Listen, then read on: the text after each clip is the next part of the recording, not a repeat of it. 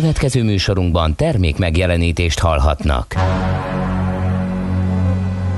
A 90.9 Jazzy bemutatja egy zűrös városban, ahol semmi sem biztos. Csak az adó? Mondom semmi. Ahol a kisbefektetőket senki sem védi meg a tőzsdei kilengésektől, és a sikátorokban leselkedik a kíméletlen hozamgyilkos.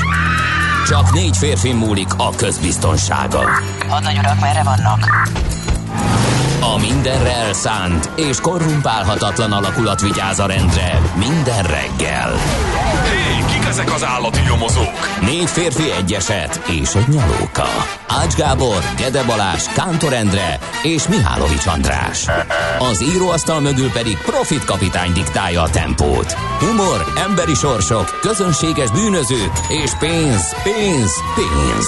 Egy különleges ügyosztály. A Gazdasági Muppet Show minden hétköznap reggel a 90.9 Jazzin. De is figyelj, ne csak a bárányok hallgassanak. De miért? Ha nincs pénzed azért, ha megvan, akkor pedig azért. Millás reggeli. Szólunk és védünk. Szép jó reggelt kívánunk, kedves hallgatók, felébredtünk ma is, ezt kérjük tőletek is, hogy tessék kipattanni az ágyakból és készülődni, indulni. Elindítjuk mi is a Millás reggelit itt a 90.9 Jazzy Rádió, október 28-án csütörtökön reggel fél hét után egy perccel, és itt van Ács Gábor. És Gede Balázs. Kicsit És- elgondolkodtam, nem néztem ebbe az órát, hogy valamiért egy órával korábban, mert hogy tök sötét van. És uh, múlt héten még ilyenkor azt pirkadatot néztünk, meg 7 órakor szépen a napkorong följött, meg a gyönyörű napfelkelte színeket nézegettük, most meg még a pirkadat legapróbbjája sem látszik az ég alján, úgyhogy de már csak hányat? Péntek kettőt, hármat kell aludni, hogy Nagyon órát tekerjünk, és visszakapjunk egy órát abból, amit tavasztal elveszítettünk, és korábban keljen a nap, mondhatjuk úgy. Így ezzel. Aztán arról meg ne beszéljünk, hogy mi lesz délután. Hát, ja igen, az elég lehangoló, amikor olyan korán sötétedik, és hát az is, hogy a reggelnek is majd meddig egy vagy két hétig örülhetünk. Igen, megint körülbelül aztán ugyanígy járunk, majd egészen februárig, Ja, ja, ja. igen. De, hát ez, De viszont többet alszunk, vagy működik, így van. legalábbis úgy néz ki majd hétvégén. Ö, nos, azt mondja, hogy 0630 20 10 909 SMS, WhatsApp és Viber számunk ez. Csak lehallgatom közben a telómat, hát ha valaki fölhív fél hétkor, és becsörgök az adásba. Ö, ide lehet... Nálad nem lehet tudni. Én Hát- még nem halkítom le, mert úgyse hív föl senki. De, de valamelyik ismerősöm, aki ezt most meghallotta, és tréfálkozik, követtelek, igen. És azt mondja, igen, tehát elmondtuk, és van egy pár üzenetünk, azt mondja, D. Kartás írta, kis optimista, jó reggelt, kartások, a tegnapi kényszerű kihagyás után ismét jelentkezem, Váci Pest relációban. Szüneti forgalom tapasztalható minden szakaszon, egy picit csak az M3-as bevezető nagyobb a forgalom, de így is csak 26 perc a menetidő jelenleg zugló Ermin a mezőre. A 26 perc nagyon jó. Mm, aztán, sziasztok, 14 kellett Csomori út, Drégelyvár út felüljárót újra lehet használni. Ja igen, Ó, erről majd beszélünk is, igen. majdnem két év után átadták, de itt jegyezném meg, hogy a felüljáróra vezető útszakaszt miért nem tudták le aszfaltozni. Miért hagyták meg a nyomvájúkat, legalább marták volna fel, vagy kenték volna be valamivel. Hát az tényleg béna, hogyha az ott van. Hát, most akkor csak tippelek, hogy de akkor azt egy, egy nagyon, akkor még egy sokkal hosszabb szakaszt kellett volna, Lehet. egy irányú. Ugye a buszok jártak végig, Mm. és valahogy meg tudták oldani a felüljáron, hogy fele-felébe, a buszforgalomnak fönn kellett maradnia, képzeld el a újpalotánál még a tömegközlekedést Ja. elvágják. Hát, ó, ez nagyon kemény lett volna, hogy a bosnyák fele. A, és hogy még egy hosszabb szakaszon a buszok is két irányosítanak, akkor ott már olyan, már nyilván csak úgy lehet aszfaltozni, akkor azért a menetidő, hát, hogy még a többszörösére nőtt volna. Most csak ezt tippelem, de anélkül nehéz lett volna aszfaltozni, hogy a felét lezárják, és akkor ott újabb lámpázás a, a nagyon gyakran közlekedő, mert hogy ez a fő elérési útvonal buszoknak.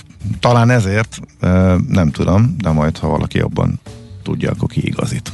Azt írja egy ö, kedves hallgató, tegnapi Shiba Inu rallival kapcsolatban bűntudatom van napon belül 70%-ot keresni. Hát ez nem kell bűntudat, ez, ez tök jó. Csak nem szabad nagyon rászokni, mert ami 70%-ot hoz, az ugyanannyit vinni is tud. Na várjál, nem az, hogy nem sikerült? Vagy csak lemaradt róla a hallgató? Vagy Nem, nem, nem. a nyereség miatt van bűntudata? Igen, hát hogy, jaj, hát, hogy 70 Az ot nem szabad. Igen. Nekem akkor van Inu. bűntudatom, hogy ha van az ötlet, aztán nem csinálom meg, és lemaradok róla. Akkor van bűntudat. Az igen, az, az, Más egy, az, egy, az egy zavaró de- tényező. Igen. Igen. Hát és akkor így ennyi körülbelül a reggeli felhozatal. Még egyszer 0630 20 10 909, ide várunk infókat, észrevételeket, kérdéseket, megjegyzéseket, szidalmakat, dicséreteket, mindent, ami eszetekbe jut. Nos, csütörtök van, akkor nem morgunk. Miért, És- miért lenne mit? Nem. Azt hiszem nem. Nem, úgyhogy... Üres, üres meg, meg, morgás.txt fájl, absz- Abszolút. akkor azt most hanyagolhatjuk. Viszont megköszöntjük a névnaposainkat. Simon, a fő névnap, köszöntjük őket nagy szeretettel. De van még sok más érdekes név, mint Acél. Sion, Alfred, Alfreda, Cirilla. Tadeusz, Cilira, Zsája, Simona, Simonet. Köszönjük Tömör. őket. És tömör. Igen. Tömör. Uh-huh. Boldog névnapot mindenkinek.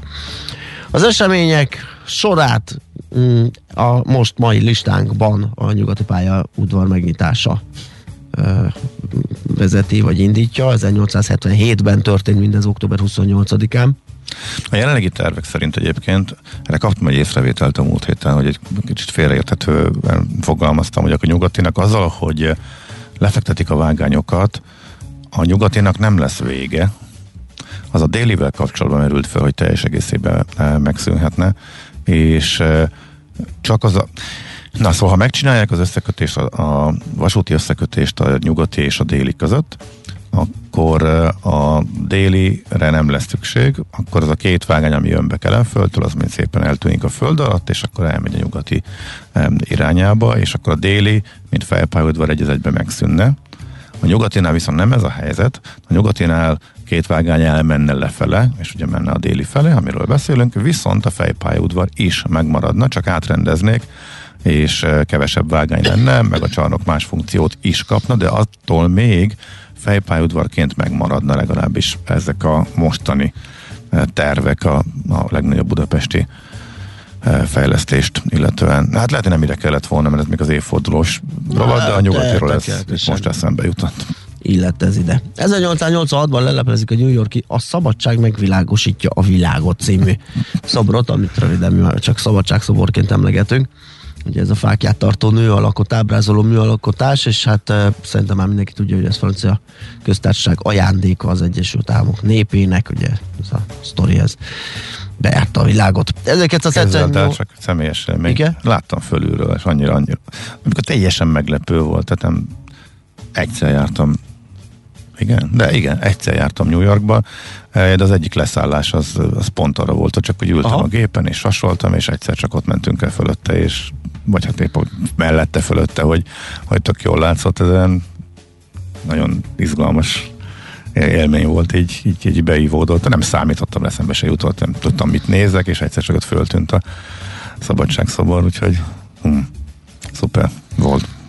1800, nem, 1978 Magyarországon bevezetik a személyi számot, mint személyi azonosító jegyet, ami ugye azóta kivezetésre is került a használata, mégis kérik egy csomó helyet, úgyhogy Na, ez igen, mai ezt nem értem, hogy ez hogy Jó. működik. Te se? Nem, Jó. nem. Mert, de nagyon ritkán, és a, Nagyon leg, de a ritkán. legváltozatosabb pillanatokban egyszer csak kérik. Igen, igen, igen, igen. Na, mert most hogyan és miért? Tudja ezt valaki? Hát igen, jó lenne. Van ha hallgató, aki ebben képben van, mert én pont téged akartalak megkérdezni, hát ha többet tudsz róla. Nagyon régi már a kivezetés, Hát az már témakör bizony, is. Bizony. és, és, és időnként csak úgy előbukkan, hogy kell. Nem, nem, nem, nem értem. Ezt is írja meg valaki, aki tájékozottabb a kérdésben. Születésnaposainkról röviden Hatani Lajos íróköltő, irodalomtörténész született ezen a napon 1880-ban, Bernie Eccleston 1930-ban, hát ugye Forma 1. Bernard Charles. Bernard Charles Eccleston, vagy Eccleston, Eccleston. britként, hogy kell jól Eccleston. mondani, mindenki Eccleston Eccleston. talán. Inkább Eccleston. Hát de magyarul Eccleston. Eccleston. Ezt tudjuk, hogy mind tudjuk, hogy azért a híres Eccleston van. egy nagy Beatles rajongó. Így is, így is van, nagyon megfelelőjük, igen. Öm, tehát igen, a forma, forma egy pápája, a Cézárja, nem tudom, mindenese. Charlie, Horváth Károly 1947-ben született ezen a napon. Bill Gates is például. Csere Ágnes, Szokol Péter színészek, köszöntjük őket is. Eros Ramazotti, biztos vele kezdünk.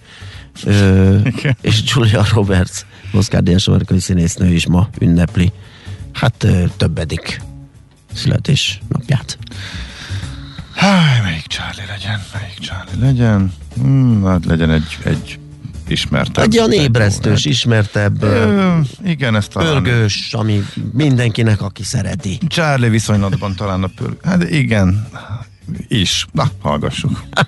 Ez a millás reggeli itt a 90.9 jazzin, és akkor nézzük, hogy mit írnak a lapok. A napi.hu a moratóriumból való kilépés, vagy meghosszabbítás nézőpont kérdése témakörével foglalkozik.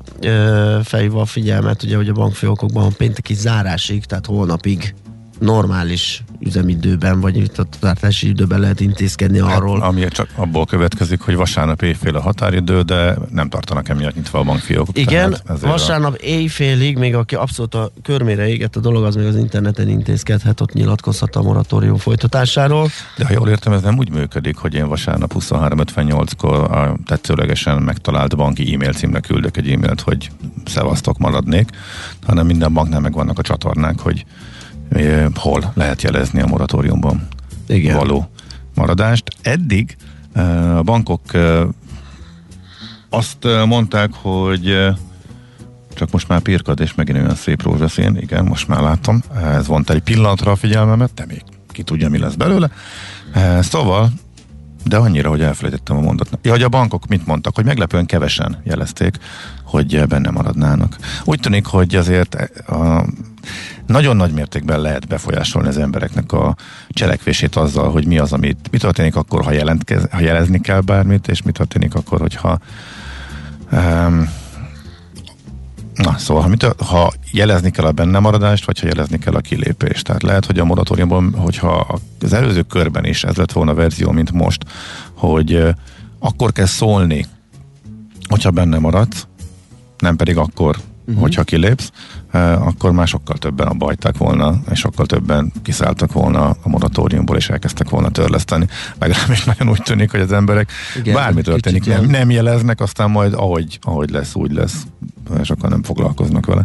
Legalábbis erre utal az, hogy nagyon meglepődtek, hogy milyen kevesen. Tehát sokan benne maradtak, akik tudtak volna fizetni, ez volt a múltkori mantra, most pedig az van, hogy eh, ennél azért több ben maradónak moratóriumot továbbra is kérőre számítottak a bankok, mint ahányan eddig jelezték, hogy így történik. Lehet, hogy utolsó pillanatra hagyás eh, az ismét működik, és most eh, az érintetteknek egy nagyobb hányada fogja az utolsó pillanatban bejelenteni, hogy eh, mégis élne a, további, a továbbra is a lehetőséggel, hogy ne kelljen törlesztenie, aminek kapcsán majd gyűlnek tovább a tartozások. Ezt majd meglátjuk a pontos adatokat, majd hétfő kedden megismerjük.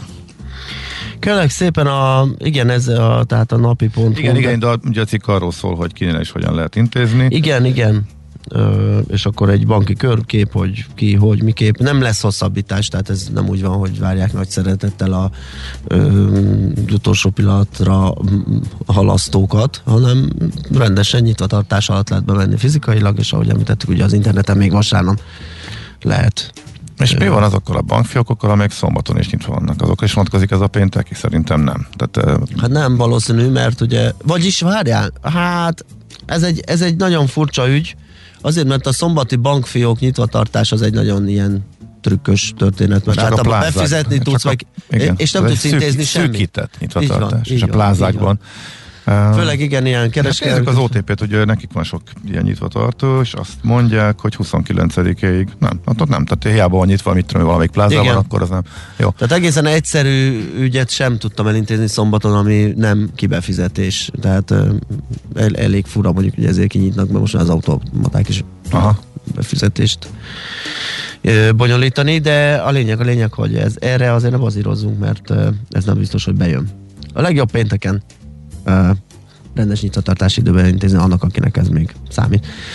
Aztán képzeld el, rányomtam még a napi.hu-ra, és mert múltkor is úgy jártam, hogy a vezetőt szemléztük, de volt ott más érdekes is, és tegnap este ö, a Bodza piacáról. Ó. bármilyen furcsa, igen, nyolcszorosára ugrott a Bodza ára, és kérlek szépen nem csak a virágja, ami nagyon népszerű, ilyen szörp, meg izé, hanem a bogyója is nagyon felkapott lett, és főleg bármilyen furcsa, de a pandémia repítette az egekbe, mert hogy ugye amellett, hogy kiváló étel, természetes ételszínezzék, a bodza bogyója, a pandémia alatt a magas C-vitamin meg vastartalma miatt óriási lett rá a kereslet, és van ilyen, hogy bodza termelők értékesítő szövetkezete. Mondjuk nem csoda, mert hiszen bodza nagy hatalom vagyunk. És és egy ilyen bodzás körkép is van a napi ponton, ez csak mint érdekességet gondoltam, hogy ide fűzöm, mert szerintem viszonylag ritkán kapunk képet a bodza piacról.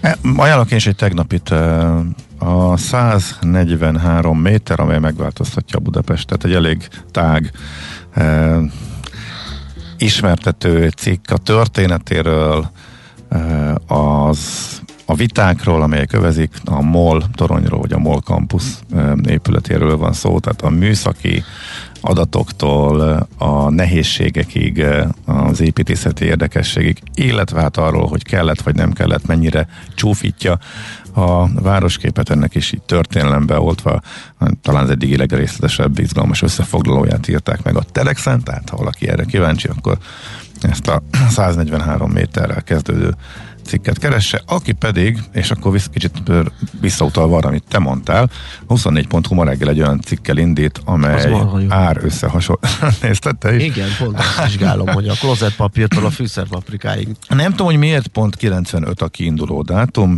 Gondoltam, hogy ha belolvasok a cikkbe, akkor kiderül, de nem derül ki. Hát Hasraütésszerűen lett úgy tűnik kiválasztva. Hát ezek 95. mindig, mindig ilyen olyan dolgok, hogy nem tudom, a szerző felment a gálsá oldalára, és onnantól volt adat. Vagy valami, tehát ilyen, igen. ilyen a- apró Igen, de akkor ezt időnként le is dolgok. szokták írni. Igen. Minden esetre, hogy 95 óta uh, mely termékeknek emelkedett leginkább az árai lehet. Uh, hát durva, hogy a fűszerpaprikarás se fért a grafikonra, az annyira sokszorosára ment uh, föl. 26 éve 51 forint volt egy kiló, most meg 4780. Ez Szinte Hát ez nagyon, nagyon kemény, az mennyi, az majdnem meg százszorozód, 80, hát 90, nem tudom, Hát ugye, igen, igen, igen van, tehát a jelenlegi kilog, kilogrammonkénti árból annak idején 95-ben egy mázsát lehetett venni. Ja, hát ja. akkor ez tényleg Igen, nagyjából igen. így is fogalmaznak. Uh, A benzin meg lett csak volna, ha legalább- 3,7-szeres egyébként. igen, legalább a rekordereknél jó lett volna, ha egy kis indokot oda sikerül tenni, vagy valamit kicsit jobban utána járni, így most marad a számok közötti böngézés, hát budipapír. Én először azt hittem, hogy kicsit almát a körtével, hogy valami átlagos papír árat, mert hogy de lehet, hogy csak az öregedéssel jár az a tapasztalat, hogy az ember egy idő után már egyre több rétegűt kezd el használni. Igen. De minden esetre a három rétegűt a három rétegűvel hasonlították össze, és itt volt Te 38... még csak háromnál tartasz? 38-szoros. Ja nem, az összehasonlítás. ne, nem, nem volt beismerő vallomás, Ja, értem. csak a ez szerepel a felmérésben, tehát a 8 darabos kiszerelés 38 szorosára drágult. Állatkerti belépője egy, egy gyermek részére eh, vasárnap. 35-szörös, akácméz, igen, ezt én, ezt én is tapasztaltam, annak viszont Ugye többször is beszéltünk a méhészekkel az okairól 30 eh, fölött, múzeumi belépőjegyek mentek még 20% fölött, és a többiek 15 és 20 kövő temetési szolgáltatás, eh, igen, sajnos ezt is eh, eh, tapasztalhattuk, eh, szemétszállítás, cigi, férfi hajvágás, bizony-bizony, multiplex mozi szombat este, és már 10%-on belül, 10% de vagyis 10-szeres áremelkedésen belül, bocsánat, a vonaljegy. Ugye ott az volt, hogy most már évek óta, hosszú-hosszú évek óta nem emelkedett, előtte voltak nagyobb ugrások, és amit most tapasztalok meg, de személyes, igen, a személygép jármű vezetői tanfolyam, eh, amit nem magamnak, hanem az egyik, nekem kell újra vizsgáznom, hanem eh, az egyik gyermek kapcsán látom, hogy Hát- igen, igen, elég horror. Igen, én a, én a, ű, a most van ám az égfestés, oda nézzél kifele. Um, És belerepült egy repülő, azt néz. igen, az jól szokott kinézni. Tegnap is volt egy ilyen. Um, én kérlek szépen a És há... egy hallgató megírta, hogy milyen, milyen gép száll le. Um, igen. Ja, a Flight Radaron lecsekkolta? Igen, igen, igen. Ráadásul az megint az lesz, amit a hallgató írt, mert uh, éjjel érkeztem, és láttam, hogy a legközelebbi gép az reggel 8. Száraz kiégett Reggel adja? 8, igen, száraz kiégett. Reggel 8-kor érkezik az első személyszállító menetrend szerintű repülőgép, úgyhogy ez megint ugyanaz a, nem tudom, milyen áruszállító lehet, Mhm, mm-hmm. belerepült itt a, a napfelkeltében, amit a hallgató leg, legutóbb megírt. Megint elcsavarodtunk, nem tudom, mit akartam mondani. Na mindegy, a lényeg az, hogy a mostani nagyon menők és ijesztő áremelkedők, mint a tojás napra forgó mm, liszt kenyér, azok Nincsenek egyébként a itt vannak, se. itt vannak a hátsó De a sorban. legalul, ja, igen, igen, igen, bőven, igen. bőven Mhm. tíz alatt ilyen ötszöröződés. És hát az abszolút az a gáztűzhely három-négy főzőhelyes, ami a legkevesebb. legkevesebb.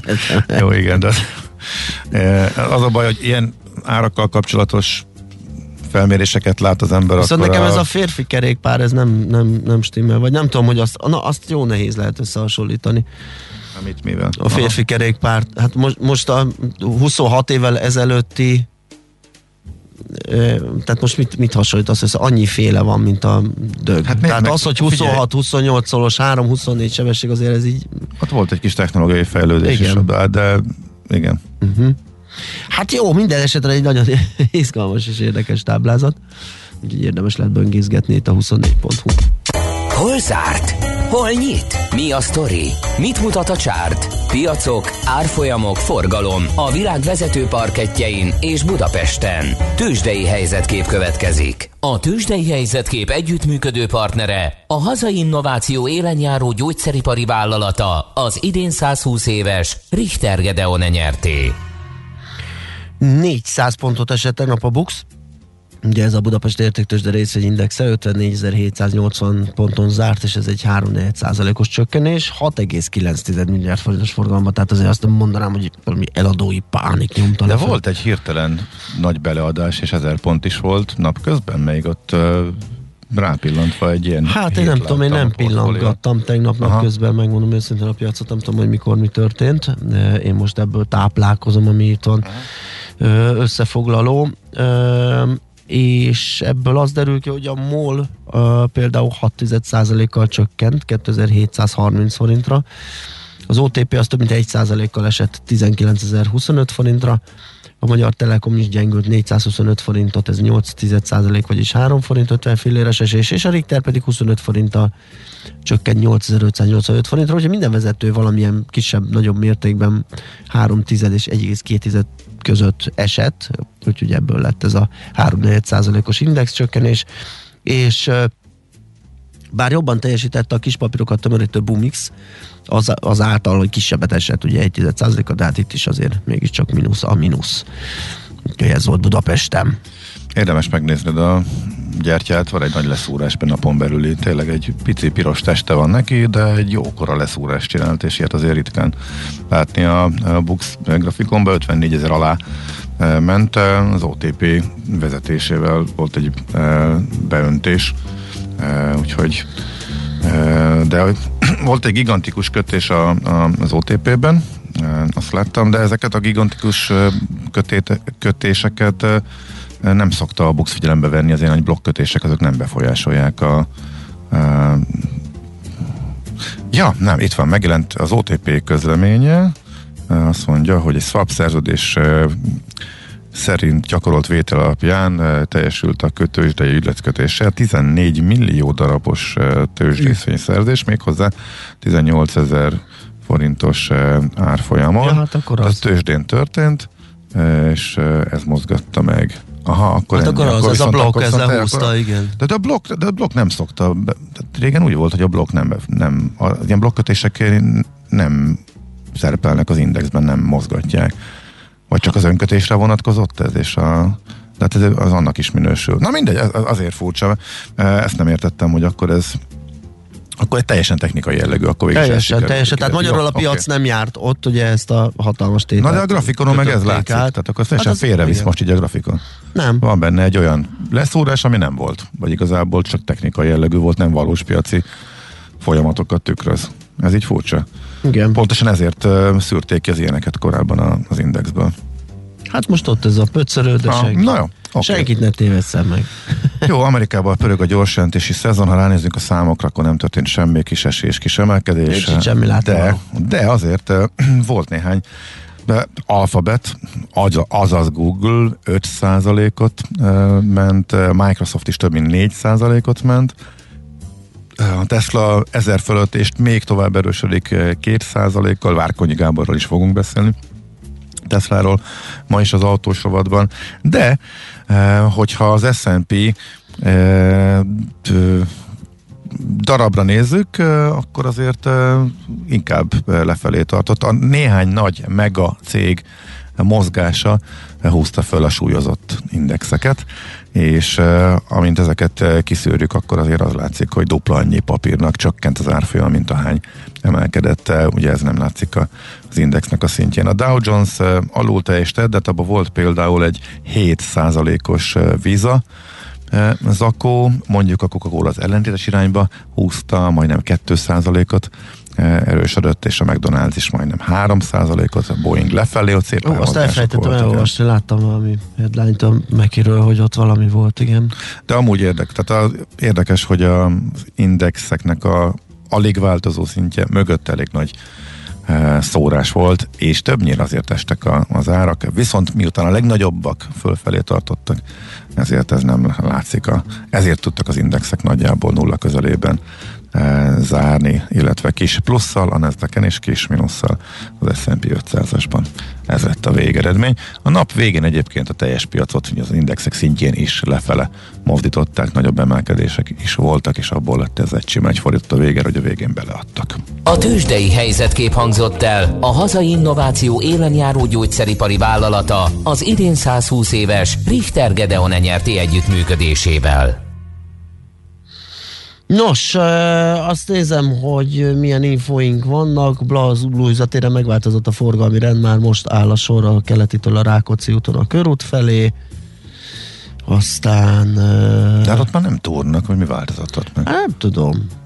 Erről még várunk részleteket, meg kíváncsiak vagyunk. Ja igen, az, a személyi számhoz kaptunk egy olyan infót, hát nem tudunk vele sokat kezdeni, de köszi, mert pont azzal kezd a hallgató, hogy a miért, tehát nem tudja, Mhm. uh-huh. hogy miért van egyáltalán még bárhol is létjogosultság, vagy miért kell valahol is használni, de azt írja, hogy az erkölcsihez például kell, mert hogy papíron, legalábbis a papíron igényelthez, mert ő múlt héten kért kettőt, és ott kérték a, a személyi számot, tehát ezt a régit tudjátok, ami egyel kettővel kezdődik, születési dátum, és az a négy jegyű azonosító. Igen, ami az autónk rendszáma volt, így tudta megjegyezni. Négy, ja tényleg, mert régen négy, négy De teljesen volt. véletlenül, Kétszer két szám volt a rendszám. Igen, Tényleg? igen, igen. Ez marra jó. Üm, jó. 0 30 20 10 909 uh, ilyeneket és hasonlóakat várunk még. Ja, kaptunk még igen Attilától, ő is nagyon örül, hogy átadták újra a Csömöri úti felüljárót, de azért mindenki óvatosan közlekedjen, mert a gyalogosok most is úgy mennek át a kereszteződésre, mintha nem lenne forgalom, és nem működne a Aha. jelzőlámpa. Aha. Úgyhogy erre, erre nagyon kell ö, vigyázni és figyelni. 0630 20 10 909 a hírek alatt, amit majd Czoller Andi elmond nektek, még várunk infókat, ö, vagy bármit, ami eszetekbe jut, küldjetek, írjátok, utána már a híreket követően mi visszajövünk, és folytatjuk a millás reggelit.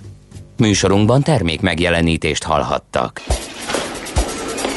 A reggeli rohanásban könnyű szemtől szembe kerülni egy túl szépnek tűnő ajánlattal. Az eredmény krétával körberajzolt tetemes összeg. A tethelyen a gazdasági helyszínelők, a ravasz, az agy és két füles csésze és fejvállalakzat. A lehetetlen küldetés megfejteni a Fibonacci kódot. A jutalom egy bögre rossz kávé és egy olyan hozamgörbe, amilyet még Alonso Mosley sem látott. Millás reggeli, a 90.9 Jazzy Rádió gazdasági mapetsója. Vigyázat! Van rá engedélyünk! A Millás reggeli fő támogatója a Schiller Flotta KFT. Schiller Flotta and Rent a Car. A mobilitási megoldások szakértője a Schiller Autó tagja. Autók szeretettel. Jó reggelt kívánunk, folytatjuk a Millás reggelit itt a 9.9 Jazzy Rádion. Október 28-a csütörtök van, és 418 lesz egy perc múlva. Itt van Ács Gábor. És itt van Gede Balázs is. És a 0630 20 10 909-es SMS, WhatsApp és Viber számon is jelen vannak a kedves hallgatók, nem csak a készülékek előtt is hallgatnak, hanem írnak nekünk dolgokat, például útinformációkat is. Budapest legfrissebb közlekedési hírei, itt a 90.9 jazz Azt kaptuk Árpitól, az ex-jelző lámpástól, hogy jó reggelt, sziasztok, a Blahán most is van valami túrás, fúrás, sávelhúzás, valamit most is piszkálnak ott, csak a BKK hallgat róla. Uh-huh. Sutyiba megy a dolog. Aztán jó reggelt, Martonvásár, 6. kerület, ma is 40 perc, emeltes Osztyapenko, Osztyapenko, Hegyalja, Erzsébet híd, Rakpar, Deák, Bajcsi. Szerintem még jól járható, mintha a lakcímkártya hátán is rajta kéne a személyazonosító Balage írta nekünk. Igen, egyébként valahol vagy ott, vagy a tajon. Nem, nem, tényleg a lakcímkártyán valahol ott van. Igen, igen. Tehát azt kéne megfejteni, tudjuk, látjuk, de hogy mi az oka ennek, amikor már elméletileg használaton kívül van. A bankdiller ebben a pillanatban írt nekünk, hogy a Hungária a Tökölitől Árpád híd felé oké, okay, köszönjük, és és, és, és a buszos Tomi még azt tette hozzá, hogy a Blaha tére megváltó. Ja igen, igen, igen, az ő, ő írta először a Blahát. Gyorsan ránézek az útinforma, ott van-e valami friss, azt mondja, hogy súlyos baleset történt a 44-es főúton Kecskemét határában a repülőtér közelében. A 8-as kilométernél egy kamion, egy kis busz és egy kis terautó ütközött össze. Teljes útzár mellett kezdődött el a helyszínen, és terelni nem tudnak. Áll a forgalom. Budapest, Budapest, te csodás! Hírek, információk, érdekességek, események Budapestről és környékéről. A legfontosabb budapesti hír, hát azt szerintem már meg is írták a hallgatók, és eh, beszámoltak róla, hogy eh, átadták a zuglói Csömöri utat és az új palotai Drégelyvár utcát összekötő eh, felüljárót, látunk róla képeket, nagyon szép, új aszfalt burkolat van rajta. Az erről szóló közleményből nincs sok értelme idézni, mert 5000 karakter bullshit és politikai önfényezés szerepel benne, úgyhogy ez sem egy, már nem egészen ide kapcsolódó ide, annyit tegyünk ide, hogy valóban az utolsó, nagyon büszkék, hogy hamarabb kész lett a tervezetnél. Ez a, tudod, amikor a sokszorosan módosított terv után hamarabb elkészülünk, Igen. tipikus esete, mert ugye a kezdeti, amikor lezárták, eh, ahhoz képest, akkor azért kiderült, hogy sokkal nagyobb a gáz, és eh, többször is tolni kellett, és sokkal tovább volt összességében lezárva. Szóval mihez viszonyítunk? Eh, az a kérdés. A lényeg az, tényleg is a legfontosabb, hogy sikerült az utolsó határidőnél valóban korábban átadni, és megindult a forgalom, és akkor tegyük ugye még egyszer, amit a hallgatók írtak, hogy a gyalogosok nem feltétlenül értesülnek erről, és megszokásból szaladgálnak át uh-huh. kicsi forgalomra számítva, úgyhogy aki most nagy örömében ott ezerrel dönget, akkor mindenképpen figyeljen rájuk. A az átadáshoz kapcsolódó közlemény kiegészítéseként még Budapest más részeit illetően annyi érdekes infót sikerült kinyerni, hogy van még néhány túrás, amelyeket idén nyáron kezdtek, ezek az Újpesti Rózsa utca, Újbudán a Péterhegyi úton, Angyalföld Göncöl utca, Rákospalotán a Deák utcában és a Budafoki Kossuth Lajos utcában, és ezeket még az idén visszaadják a forgalomnak, tehát ezekkel kapcsolatban megerősítik, hogy már nem tart sokáig a felújítás,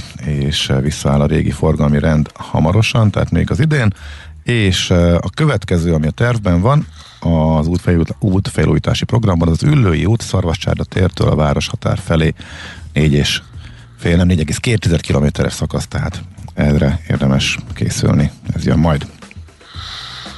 Aztán Kelenföldi állomás megújul. Igen, hát ez két éve mondjuk, és még sehol semmi, bár most eh, végre van valami... Kiírták a tendert, tehát De, ugye de már múltkor is kiírtak valami tendert. múltkor még csak gondolkodtak rajta, hogy kiírják a tendert. De azt is bejelentette Vitézi Dávid. Szóval Szerintem most, most a tender kiírás jelentette be Vitézi Dávid. Aha, aha. Úgyhogy ö, az építési munkák a sikeres közbeszerzési eljárás esetén jövőre kezdődhetnek, tehát ö, mindig egy lépéssel közelebb. Gondolkodom, mi lesz akkor a következő bejelentés. Beérkezett az első Beérkezett Pályamű? az első pályamű, igen. Igen, majd összeszámoltuk az összes pályaművet, aztán jön az, hogy kiértékeltük a pályaműveket, kiirdettük a nyertest. Ne legyünk rossz indulatúak, de tényleg azt látjuk, hogy hetente Itt egy tök jó ötlet, itt egy 06 szép épület, és nagyon lassan akar magára találni. Igen, és- és a- Pedig jó az elképzelés, és tökre örülnénk. Meg a- örülünk is egyébként, Igen, tehát igen. mentse ezt. És a kelenföldi vasútállomásról szóló hírekkel kapcsolatban tényleg olyan érzésünk van, hogy most tizedször jön, jön valami jó, valami olyan bejelentés, hogy tényleg valami történik, és, vala, és most tényleg az a konkrétum, hogy kiírták a tendert az építési munka. Jó, a nyilván meg kellett tervezni, végigment a folyamat, igen, igen, lesz igen. itt valami, és tényleg nagyon durván néz ki. Egyébként meg az, az, hogy van már egy ko- koncepcióterv, és már lehet mm, látni, vagy nézegetni is azt, hogy miről beszélünk, azért ez már talán előrelépés, mert eddig, mint hogyha ez nem lett volna. És tényleg nagyon klassz lesz, hogyha elkészül. Jó, ettől függetlenül a sokszoros kommunikáció az, az nyilván igaz, már szeretne mindenki inkább eredményt látni, de persze ez nem egyik egyről a kettőre, meg egyik hónapról a másikra megy ezt, eh, tegyük hozzá, akkor jó. Várjuk, hogy Kelenföldön induljon a munka. Nekünk a Gellért hegy a Himalája. A Millás reggeli fővárossal és környékével foglalkozó rovata hangzott el. Megyünk tovább a millás reggelivel, itt a 90.9 Jazzin, és hát köszönjük szépen a kedves hallgató azon tájékoztatását, mi szerint ú, hova lett, nem minden órát állítunk át vasárnap, tehát figyel, figyelni, Hogy, hogy nem minden kell. órát. Hát mert a vízórát, a gázórát, a Aj, kilométer. A kilométer órát nem vasárnap állítjuk át. Igen, az máskor a zug műhelyben Ez egy szerda délután jön a szaki, és azt ő pörget. Külön történet, igen. Igen. Na, de itt a telefonunk, vagy a vonalunk túlsó végén Palko István, a Portfolio.hu vezető elemzője, akivel hát a kamatok változásáról, hitelkamatok változásáról, törletsző részletváltozásról fogunk beszélgetni a kamatemelések kapcsán. Szia, jó reggelt! Jó reggelt kívánok, szervusztok! Miért éppen ma? Miért volt fontos ez a tegnapi forduló dátum? Buborilag? 2013 környékén határozták meg azt egy törvényben, hogy mikor kell a, a változó kamatozású hiteleknek a törlesztő részletét eh, kiigazítani, ugye hozzáigazítani a referencia kamatokhoz, és hát úgy határozták meg ebben a 2009-es törvényben, amit akkor módosítottak, hogy a, az utolsó eh, munkanap előtti előtti, tehát két nappal visszaszámolt Aha. napon érvényes bubor számít, és ezt tegnap 11 órakor tette közzé a Magyar Nemzeti Bank, hogy mennyi a uh-huh. aktuális bubor, tehát az a bankközi kamatláb, amin hajlandóak a bankok egymásnak hitelezni, különböző lejáratokon, és ez a 3, 6 és 12 havi lejáraton érdekes a, a lakáshitel lesek, meg hát KKV hitellel és egyéb változó uh-huh. kamatozású hitellel rendelkezők számára, hiszen attól függően milyen a kamatperiódusok, ehhez igazítják a kamatukat. Uh, mennyi változó kamatozású hitel van még, hogyha teljes hitel, hitelpiacot nézem, mert azért komoly szándék volt, és komoly javaslat volt, mind a piacszereplők, mind a Nemzeti Bank részéről is, hogy próbálják meg a uh, hitelesek uh, kihasználni az alacsony kamatok időszakát, és minél hosszabb kamatperiódusra át, áttérni, vagy akár mondjuk fix kamatozású hitelekre. Szóval most hogy néz ki a piac? Hány embert, hány céget, vagy hány családot érinthet majd az, hogyha a mostanában is még durvábban megnőnek a törlesztő részletek a kamatemelési ciklusban. Mostanában a lakossági hitelekről tett közzé ilyen adatokat a jegybank. A vállalati oldalon nagyon megbolygatta a statisztikákat az elmúlt másfél évnek a hitelprogram dömpingje, ami elsősorban fix kamatozású volt, tehát a KKV-k, hogyha akartak és tudtak, akkor átmenekültek eh, elég nagy részben fix kamatozású hitelbe, de azért még állítólag most is eh, viszonylag sok eh, változó kamatozású hitellel rendelkeznek. A vállalatok jellemzően swapokkal és egyéb ügyletekkel tudják magukat fedezni, hitelezni, ha egyáltalán változó kamatozású hitelük van. A lakossági hitelek esetében a személyi kölcsönök és a babaváró hitelek jellemzően fix kamatozásúak, így aztán nem nagyon érinti őket ez a buborváltozás. A, lakos, a lakáshitelek körében 41% környékén lehet azoknak a hiteleknek az aránya, amelyek egy év, legfeljebb egy éves kamatperiódusúak, tehát amelyekre uh-huh. közvetlenül hat ez a bankközi kamatváltozás, hogy akkor érdemes azt is megjegyezni, hogy időközben azért a, a hosszú hozamok is változnak, szép lassan emelkednek, így most már 5 éves kamatperiódusú hitelek esetében is láthatunk olyat majd a következő hónapokban az MNB által közétett mutatók alapján, mert ott mutatók befolyásolják a történetet, tehát kicsit bonyolultabb. Azok alapján már ott is némi részlet emelkedés elképzelhető a következő hónapokban. Uh-huh. De hogyha maradunk a rövid, rövideknél, tehát a az egy év, vagy annál rövidebb kamatperiódusú hiteleknél eddig mennyit eh, nőnek, illetve a tegnapi adattal számolva már, eh, mekkora lehet a törlesztő növekedés, illetve hát nyilván kitekinteni nagyon nehéz, mert nem tudjuk, hogy meddig tart a kamat eh, emelkedési ciklus, de mégis nem tudom, mit lehet elmondani, mire számíthatnak. Nagyon fontos lenne, hogy spóroljanak, hogy félretegyenek, vagy tudatában legyenek a, a hitelesek annak, hogy növekszik a törlesztő részletük, de hogy mennyivel. Igen, minden hitel más. Azt lehet mondani, hogy egy 10 millió forintos tőketartozású hitel esetében, és aztán ha más az összeg, akkor arányosítani kell jellemzően, 3 és 8 ezer forint között lesz a legtöbb hiteles törlesztő részlet emelkedése, hogyha 20 éves hátralévő futamidőt számolunk. Ha nem annyival számolunk, akkor, akkor illetve bocsánat, hogyha igen, ez minden, minden futamidőre igaz, hogyha 20 éves futamidővel, vagy 25 éves, tehát hosszú hosszú hátralévő futamidővel számolunk, akkor jellemzően magasabb lesz, hogyha viszont a hátralévő futamidő az alacsonyabb, tehát néhány év mondjuk, akkor pedig alacsonyabb lesz. Minden hitel más, lesz egy réteg, akinek csak egy kétszázalékos törlesztéshet emelkedés jön, és lesz egy szűkebb réteg, akik jellemzően 15 évnél hosszabb kamatpedősű hitelekkel rendelkeznek, akiknél nem elképzelhetetlen a 10% fölötti törlesztő emelkedés is most már. Leginkább azokat sújt hogyha egyébként, akik a 12 havi periódusú hitellel rendelkeznek, de nem azért, mert az annyira elszállt volna, bár ez is igaz, hogy az a legmagasabb, az már 2,4%-on van a 12 havi bubor, hanem azért, mert ugye ő nekik már régen volt kamat forduló napjuk, és ahhoz a kamat környezethez képest igazán nagy a változás, míg akinek mondjuk három hónappal ezelőtt árazódott át a, a hitele, az már eddig is szembesült a törlesztő részlet emelkedéssel, és most erre jön még rá egy kicsi. És akkor érdemes azért mindenkinek most külön megnézni, hogy mikor van a forduló hónapja, hogy készüljön rá, mert ha valaki szerencsés volt, és éppen még a nem árazodott át, annak lesz a legnagyobb majd, amikor eljön a, nap, ugye, vagy lejár az a hat hónap, vagy mondjuk egy év, ami a periódus végét jelenti. Igen, és ebből a szempontból érdekes, ugye, amit kérdeztél, hogy meddig tarthat ez a uh-huh. folyamat. A Virág Barnabás portfóliónak azt mondta, hogy idén még biztosan 15 bázispontos kamatemelések jönnek. Hát ugye idén már csak két hónap lesz, ez 30 bázispontot várhatóan jelenteni fog, és decemberben fogja felülvizsgálni az MNB, hogy most akkor hogy is állunk, és folytatódjon-e a, a kamatemelés. Minden esetre több helyen is arra utalt a Nemzeti Bank, hogy a, az infláció kordában tartása érdekében a monetáris szigorításra szükség van, tehát 2022-re sem teljesen nyugodhatunk meg a törlesztőrészletek szempontjából. Hát olyannyira szüksége van, ugye, hogy a piac kifejezetten csalódásként élte meg a 15 bázispontos legutóbbi kamat emelést, mert hogy az a forint piacon jól láthatóan onnantól szakadt el megint a pertlés, kezdett el a forint olyan gyengülésbe, ami hát, igen, meg ha jól emlék, lassan ez, csúcsárfolyamot meg hoz. pont ez volt a változás a korábbi kommunikációhoz igen. képest, ez idei év az már nagyjából eldőlt, az, hogy ez jövőre is folytatódhat, arra most utaltak el egy, egyértelműen először, ugye? Így van, így van.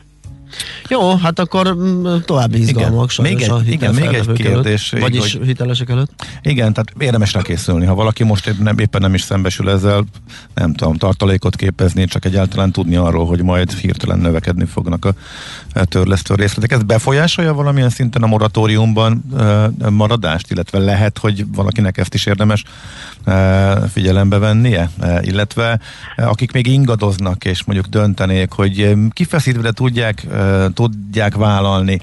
Mit javasolnál, hogy mi alapján döntsenek, hogy maradnak a moratóriumban, és halmavódik tovább a tartozás, vagy pedig elkezdjék a törlesztést kilépve a moratóriumból. Ugye ma beszéltünk arról a műsor elején, hogy most kell erről dönteni péntekig, illetve vasárnapig. Ugye igazából a felkészültségtől függ ez, tehát aki felkészült, az, az, az kezdje el a hitelét törleszteni, aki nem készült fel, az, az nem, de hát itt ugye nyilván hajlandóságról és képességről egyaránt szó van. Ugye a hajlandóság az, hogy valaki tényleg aktívan átszámolta-e a dolgot, a képesség meg az, hogy egyáltalán belefér a havi keretbe. Egyébként szerencsére egyelőre azt mutatják a, az adatok, hogy nagyon kevesen kérték a bankoknál a moratórium meghosszabbítását. Ennek persze egy pozitív pozitív-negatív olvasata is van. A pozitív az, hogy jó a helyzet, a negatív meg az, hogy nem tájékozottak kellően az ügyfelek arról, hogy egyáltalán kérni kell, hogy továbbra is benne maradhassanak a, a. Ugye október 31-ével lejár a határidő, ugye hétvégén már csak uh, online lehet ezt uh, igényelni, uh, de ez a következő napok mindenképpen arról kell, hogy szóljanak, hogy benne maradjanak-e. Ugye a változó kamatozású hitelek esetében egyáltalán bonyolultabb a kép, mint a fix kamatozásúaknál, hiszen a változó kamatok, ahogy eddig beszélgettünk róla, emelkednek, és a, a, a hátra hagyott vagy felhalmozott kamattartozás, ami a moratóriumban keletkezik, az ettől e, arányosan magasabb lesz, és aztán, hogy ez, ez maga, magasabb lesz, ez azt vonja maga után, hogy a, a, a várható futamidő is kitolódik a moratórium mosok esetében, ha még maradnak, és nagyobb e, mértékben tolódik, tolódik ki a futamidő, mint amit a, a moratóriumban maradás e, indokolna. Ugye itt most már 20 27 hónapja fognak benne maradni, és volt az MNB-nek egy olyan becslése, hogy a lakossági hitelek fele esetében, ha benne maradnak jövő júniusig a moratóriumban, akkor, akkor több mint három és fél évvel nő meg a, a futamidő a, a hátralévő vagy teljes visszafizetendő tartozás pedig 10 több mint 10%-kal, a lakáshitelek esetében és több mint 40%-kal a személyi kölcsönök esetében. Tehát ezek, ezek ugye olyan jelentős számok, ami miatt nem szabad félváról venni a döntést a moratóriumban maradásról, vagy a, annak a felfüggesztéséről. Oké, mm, oké. Okay, okay. Nagyon szépen köszönjük, szép napot, jó munkát kívánunk neked is. Köszönöm minden szia, jókat. Szia, szia. Szia, Palko Istvánnal a Portfolio.hu vezető elemzőjével beszélgettünk, és hát nem igazán jönnek jó megoldások erre a személyi számra. Most írja, hogy kedves hallgatója a rendszerváltás után szétválasztották az egészségügyi, az adózással kapcsolatos ügyek és az igazságrendészeti és a demográfiai ügyek hozzáférési szakrendszereket. És csak az, az egyikben lett úgymond megszüntetve? Vagy az utóbbi az a személyazonosítóval lehet hozzáférni, Aha. a másik kettőhöz generáltak a tajszámot, illetve az adóazonosítót.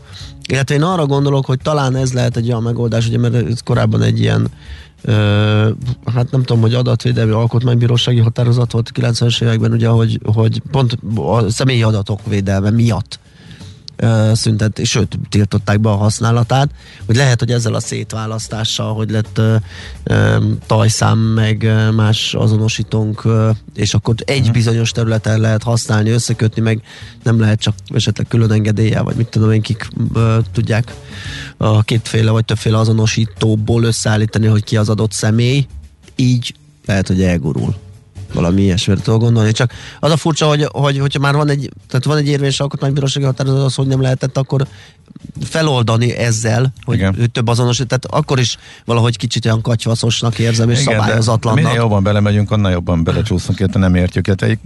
Igen, igen.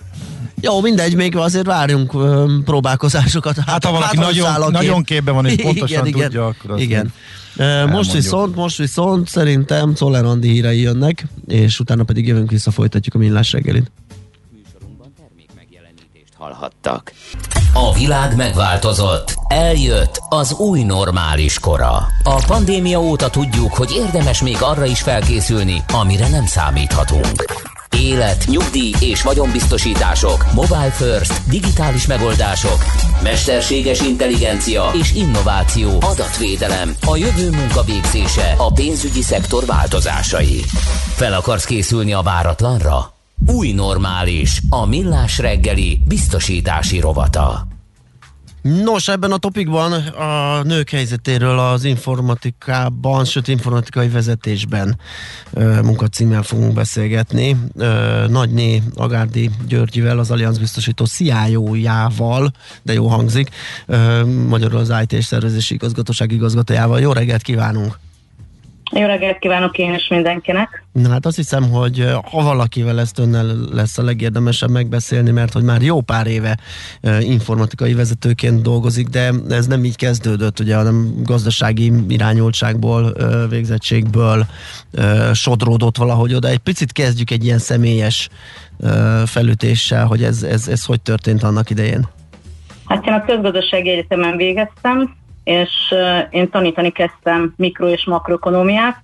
Ugye ez egy közgazdász számára nem ismeretlen fogalom, uh-huh. ez egy alapozó tárgy, és hát én soha nem szerettem az állóvizet, úgyhogy egy két-három év után én rettenetesen elkezdtem ezt tudni.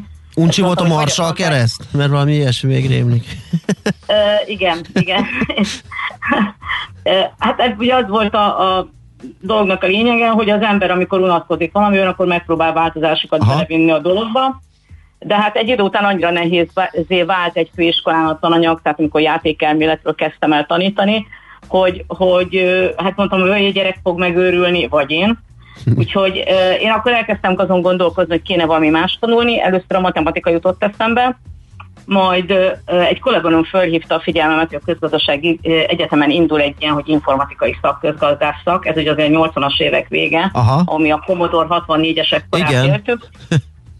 Hát akkor megnéztem, hogy mi az csoda ez, hát olyan voltak benne ismeretlen fogalmak, halvány fogalmam nem volt az informatikáról akkor még, se já, láttam én is gépeket, hát persze mindenki látott, és akkor jelentkeztem, és akkor kb. olyan három hét után rájöttem, hogy hát hoppá, ezt nekem találták ki.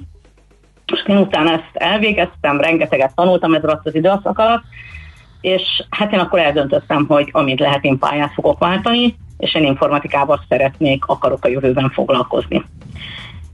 Első igazi, tehát a főiskolát rövidesen ott hagytam, de az első munkám az egy kicsit kötődött a régi szakmámhoz, és informatikai kontroller voltam az egyik biztosítónál, ami nagyon jó volt, mert ö, gyakorlatban, tehát nem úgy, hogy nekem kellett csinálni, de gyakorlatban bevonultam az informatikába, és hát egy csomó mindent megtanultam róla, és hát észrevettem azt, hogy azért akkor még a 90-es évek elején hát általában mérnökök voltak az informatikai vezetők és az informatikusok, és a számok világából egész másképp voltak barátságban mondjuk, mint egy közgazdás. Uh-huh.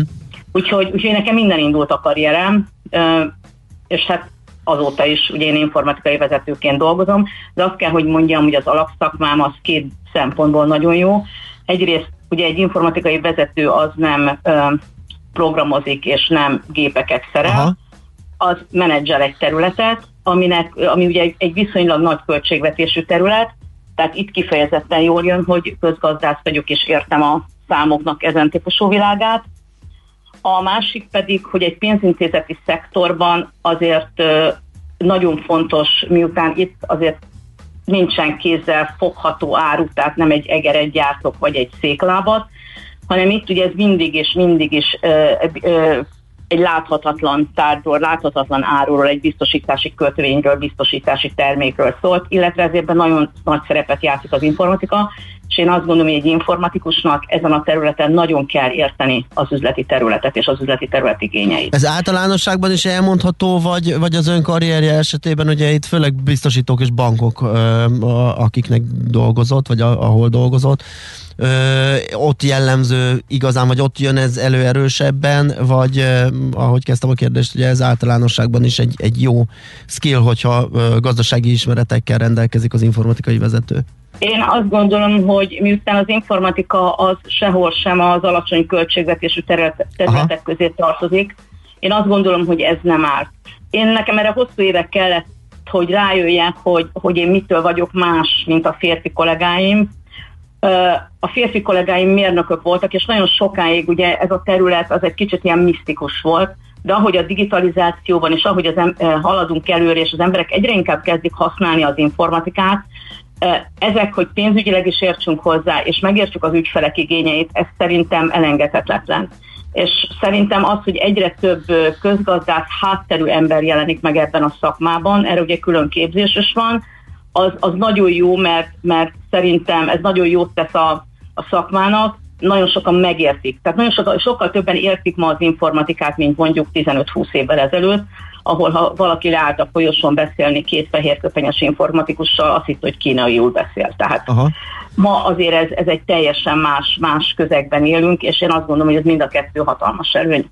Igen, azért ez nagyon érdekes hallgatni, hogy több tíz évvel ezelőtti történetekről beszélünk is arról, hogy már akkor ugye informatikai vezetőként ö, ö, dolgozott több helyen, most meg még mindig arról beszélünk, a nők helyzete az informatikában, és ez még mindig egy olyan kérdés, amit még, még kell beszélni, még, még fejleszteni kell, még motiválni kell őket, még lehetővé kell tenni, hogy, hogy, hogy előre haladjanak.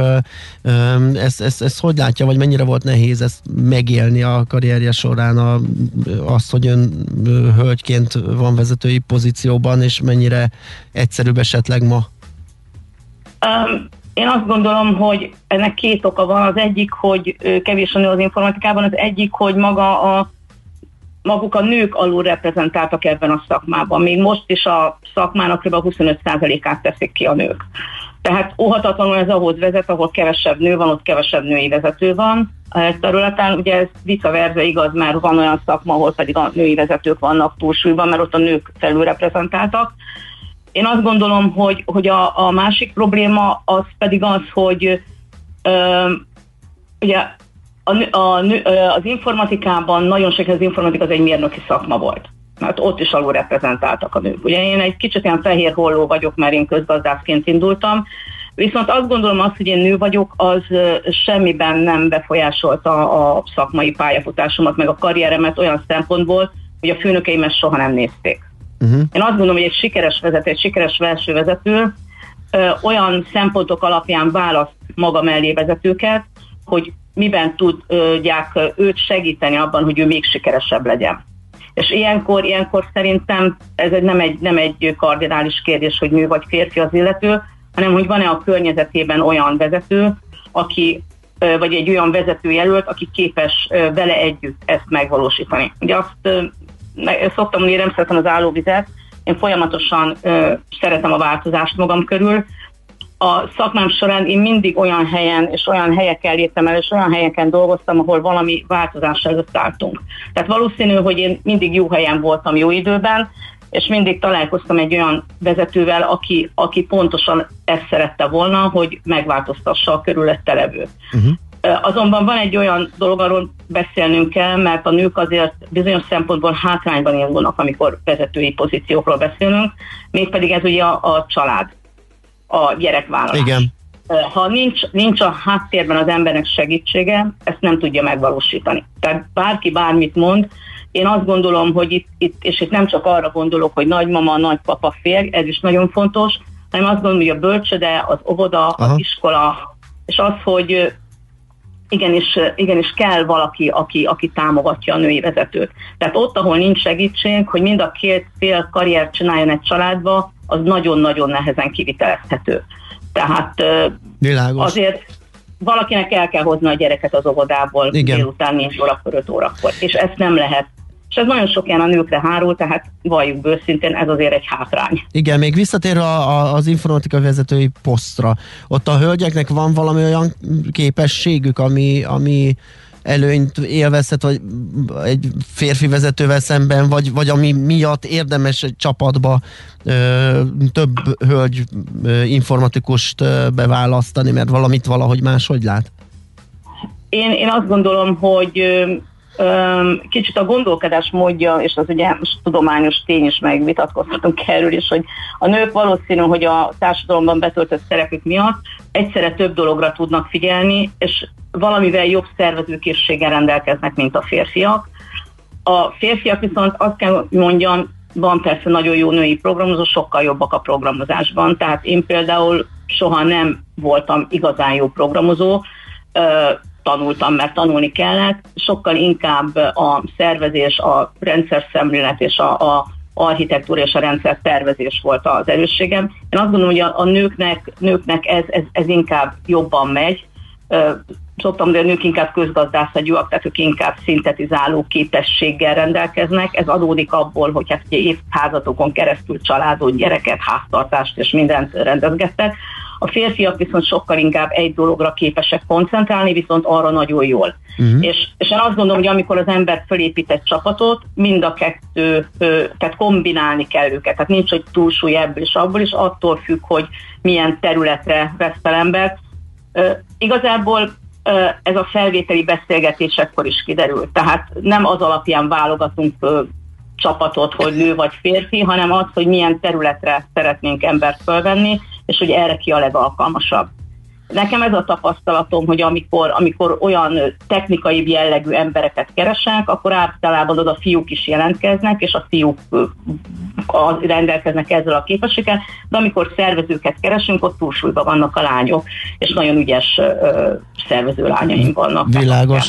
Még egy, egy, egy szót csak, mert amellett nem mehetünk el, ugye, hogy ennek az egész lenyomata azért az Allianzon jól látszik, tehát a, a digitalizáció terén igen öles léptekkel halad a biztosító. Igen. Én erre nagyon büszke vagyok, mert amikor ide kerültem, akkor, akkor nekem ez volt az egyik legfontosabb feladatom, hogy egy, egy papír alapú, hagyományos biztosító társaságból egy digitális, informatikai, informatikára nagyon keményen építő és papírmentes biztosítót csináljunk.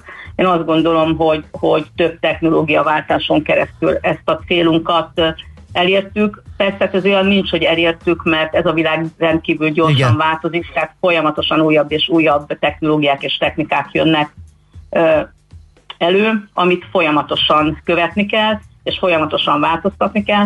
Úgyhogy a kollégáimnak én szoktam mondani, hogy az egy informatikus legnagyobb előnye, hogyha el tudja engedni a régit, amit, amit uh-huh. ő saját gyerekének érez. Én azt gondolom, hogy ezeket a léceket mi elég jól megugorjuk, és nekünk nagyon fontos, hogy továbbra is a digitalizációba élen járjunk. Nagyon klassz, köszönjük szépen, hogy beszélgettünk, nagyon érdekes történet volt ez, és hát további sikereket úgy az egyéni karrierjében, mint a cég életében. Köszönjük még egyszer, szép napot! Köszönöm szépen! Viszont hallásra! Nos, Nagy Hagárdi Györgyivel beszélgettünk az Allianz biztosító CIO-jával, az IT és szervezési igazgatóság igazgatója. A világ már nem az, ami volt, de felkészülhetsz a váratlanra. Legyen a biztosítás a hatodik érzéked. Új normális. A millás reggeli biztosítási rovata hangzott el. Megfelelő alapozás nélkül képtelenség tartósan építkezni. A Ferde torony ugyan látványos, de egyben aggasztó is. Kerüld el, hogy alaptalan döntések miatt Ferde pénztarnyat építs. Támogasd meg tudásodat a Millás reggeli heti alapozójával.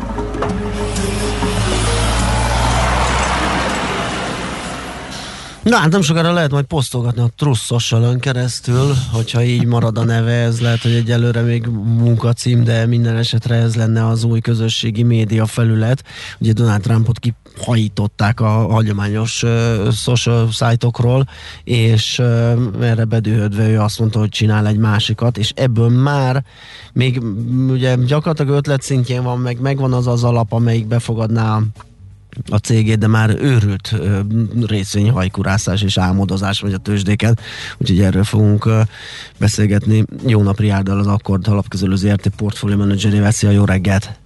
Sziasztok, jó reggelt! Na, hogy, hogy áll most a, a Trump social, és kezdjük egészen azzal ugye, hogy, hogy ez is azzal a hagyományos módszerrel jön, ez a tőzsdén lévő alap, egy ilyen spakba fog behelyezkedni majd ez a cég egy picit, de ezt is ismételjük át, beszéltünk már erről, de azért érdemes ezt a, ezt a struktúrát mindig elmondani, elmesélni a hallgatóknak, hogy mi ez.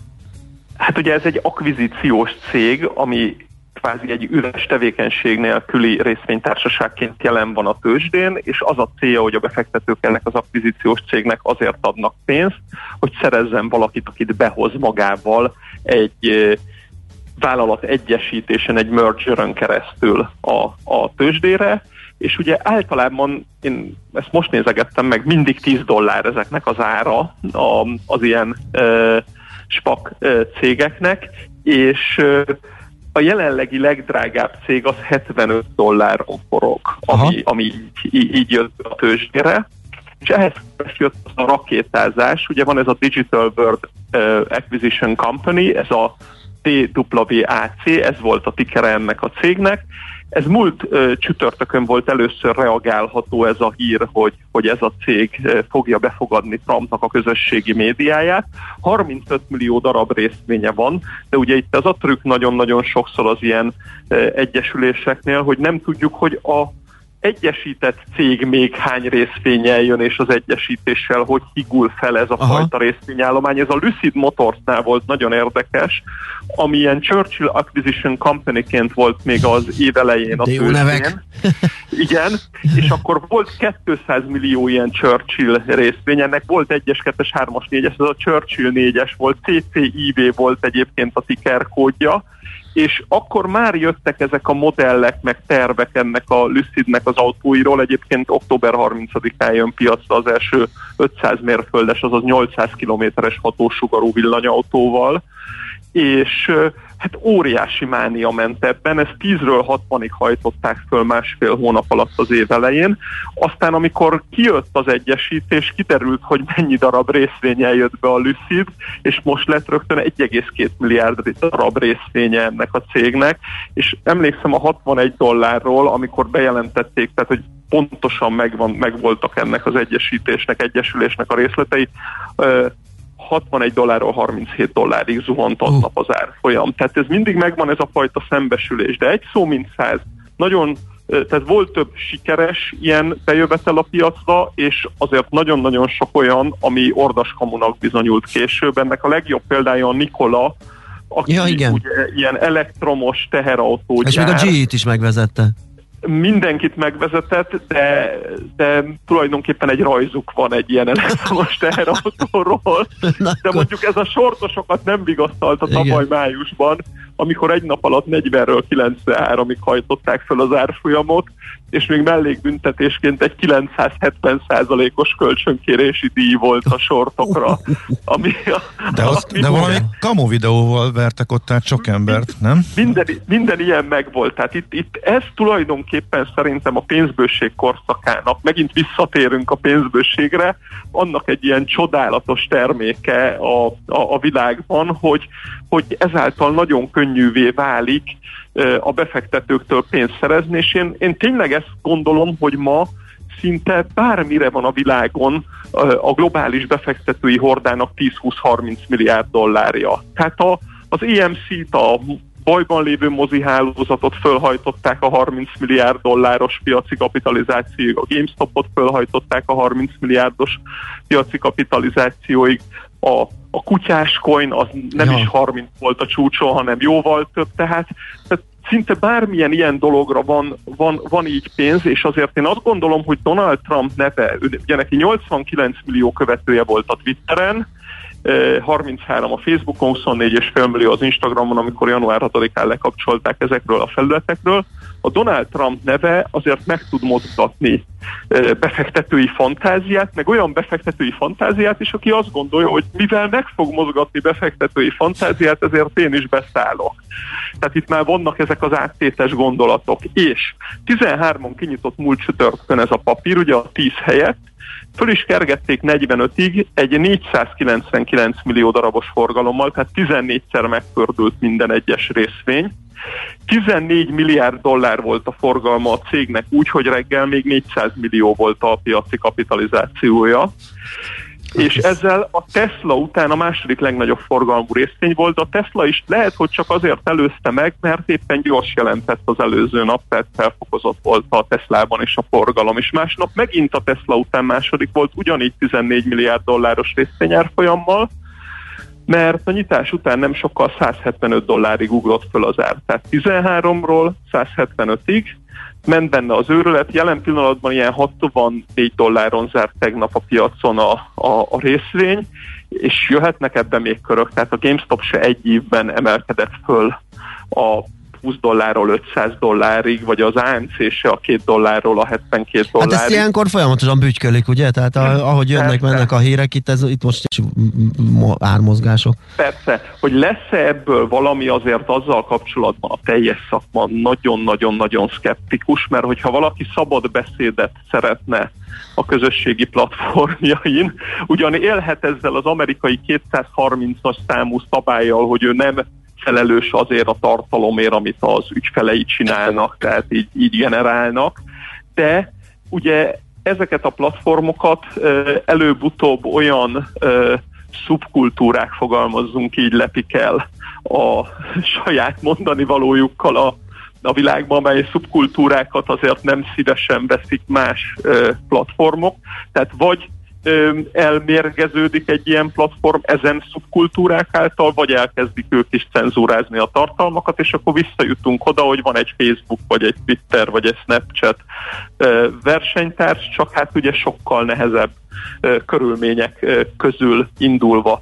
De ami nekem ebben a dologban így sokkoló volt, ahogy így végig gondoltam egy pillanatra, pont a hétvégén ezt, hogy sokszor beszélünk, hogy mennyire eltorzította a pénzt a, a jegybanki pénznyomtatás. Én már nem beszélek másképp, tehát a pénz permanens megkínzás alatt áll a jegybankok által, és ugye elveszítette az egyik eh, funkcióját azáltal, hogy már kincsképző funkciója nincsen a pénznek. Ez ennek a mellékkövetkezménye a teljes eszközárinfláció, lakásárrobbanás és a többi, amiket a, a világban mindenütt látunk. Tehát forró a pénz, mindenki szabadulni igyekszik tőle. Pont most néztem, hogy 19%-kal emelkedtek egy év alatt az amerikai ingatlanára. Tehát, tehát ez egészen egyszerűen tényleg nem, nem lehet pénz-pénzben tartani a, a, a, a megtakarításokat, de én egyre inkább azt látom, hogy amiket nézünk most, hogy a faanyagára 500-ról 1700-ra vissza 500-ra ez ebben az évben volt, vagy most az áramárak, vagy a földgázárakkal, ami történik, hogy, hogy lassan a még mindig 120 milliárd dolláros havi pénznyomtatás mellett kezdi a pénz az értékmérő uh-huh. funkcióját is elveszíteni. Tehát ez már nem értékmérés, hogy, hogy ez a 13 meg 175 dollár meg Igen. ezek. Tehát itt, itt, itt, itt recsedeznek, ropadoznak um, ezek, a, ezek a funkciók is. Um, ezáltal, ami különösen azért lesz veszélyes, mert uh, ezt, ezt most tekinthetjük egyfajta ilyen, ilyen külön kis sarkának a, tőzsdébe zaj, a tőzsdén zajlik egy ilyen, ilyen dolog, de miként a GameStop korábban, meg miként egy-két ilyen alternatív ö, kriptodevizában, ami zajlik, de hogyha valami komoly hír jön, vagy egy komoly game changer esemény jön a világban, mondjuk egy ilyen kabulszerű pillanat a fettől, hogy ki kell szállnia ebből az egész pénznyomtatásból, és egyébként pont tegnap olvastam, hogy a valami globális felmérésen az embereknek másfél év után már nem a koronavírus a legnagyobb problémája, hanem a társadalmi egyenlőtlenségek. Uh-huh. Tehát, hogyha jön valami változás ö, ezzel kapcsolatban, akkor ez a fajta értékmérő funkció és, és, és ez a fajta nagyon vad piac, ez, ez azért tud olyan turbulenciákat csinálni, hogy, hogy hogy lehet, hogy szomorú leszek tőle, hogy jövőre meg lesznek így a rádió beszélgetéseinknek a témái, de azok igen. nem lesznek vidámak. Igen, mm. igen. Ricsi, hát, hát igen, köszönjük szépen. Beszélni, igen. Nehéz ügy ez, de annál izgalmasabb, úgyhogy köszönjük, hogy beszélgettünk róla. Jó, igen. jó munkát, szép napot neked. Szép napot szia, nektek szia. is, minden hallgatónak. Sziasztok. Jó nap, Rihárdal, az Akkord alapkezelő ZRT portfólió menedzserével beszélgettünk.